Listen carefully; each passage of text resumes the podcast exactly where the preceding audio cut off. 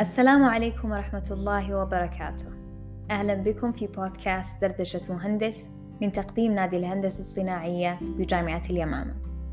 سنتحدث بمشيئة الله في هذه الحلقة عن إدارة السلامة أو ما يعرف ب Safety Management.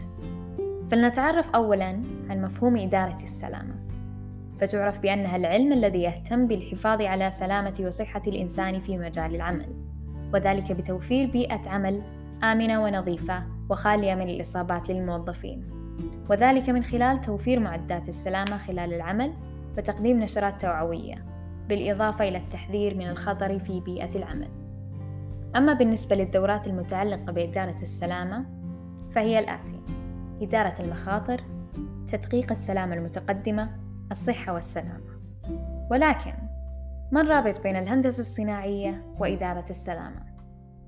تحاول الهندسة الصناعية القضاء على المخاطر في الآلات والمعدات للاستخدام الآمن من قبل البشر ويكمن دور المهندس الصناعي في إدارة السلامة في التخلص من المواد والمعدات الغير مستخدمة في أماكن العمل وضع العلامات التحذيرية والخطوط الدالة على الاتجاهات ارتداء العاملين لمعدات الوقاية حسب متطلبات المهنة الترتيب للمعدات في أماكنها ووضع تعليمات التشغيل عليها.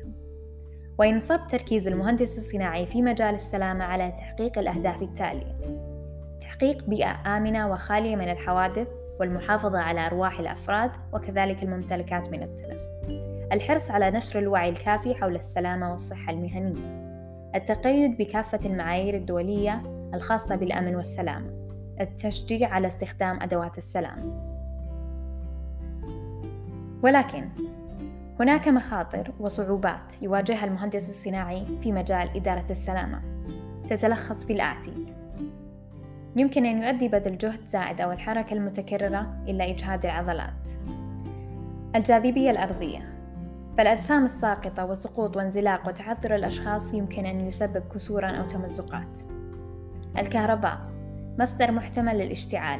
والتعرض للأسلاك الكهربائية الموصلة بمصدر الكهرباء.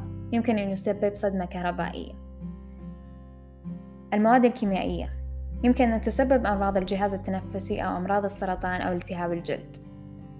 الآلات والمعدات. الارتطام بمركبة متحركة أو أن يعلق الشخص بأجزاء أو آلات متحركة يمكن أن يسبب كسورا أو كدمات أو تمزقات أو ارتجاجا أو إصابات أو إعاقات دائمة أو الوفاة. الأخطار البيولوجية.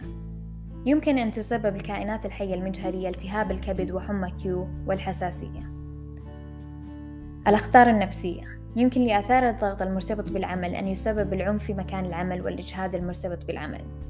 لكن لتفادي هذه المخاطر هنالك ما يعرف بأدوات للمساعدة على زيادة السلامة في بيئة العمل وتسمى بأدوات السلامة المهنية ومن أهمها ما يأتي. الخوذة.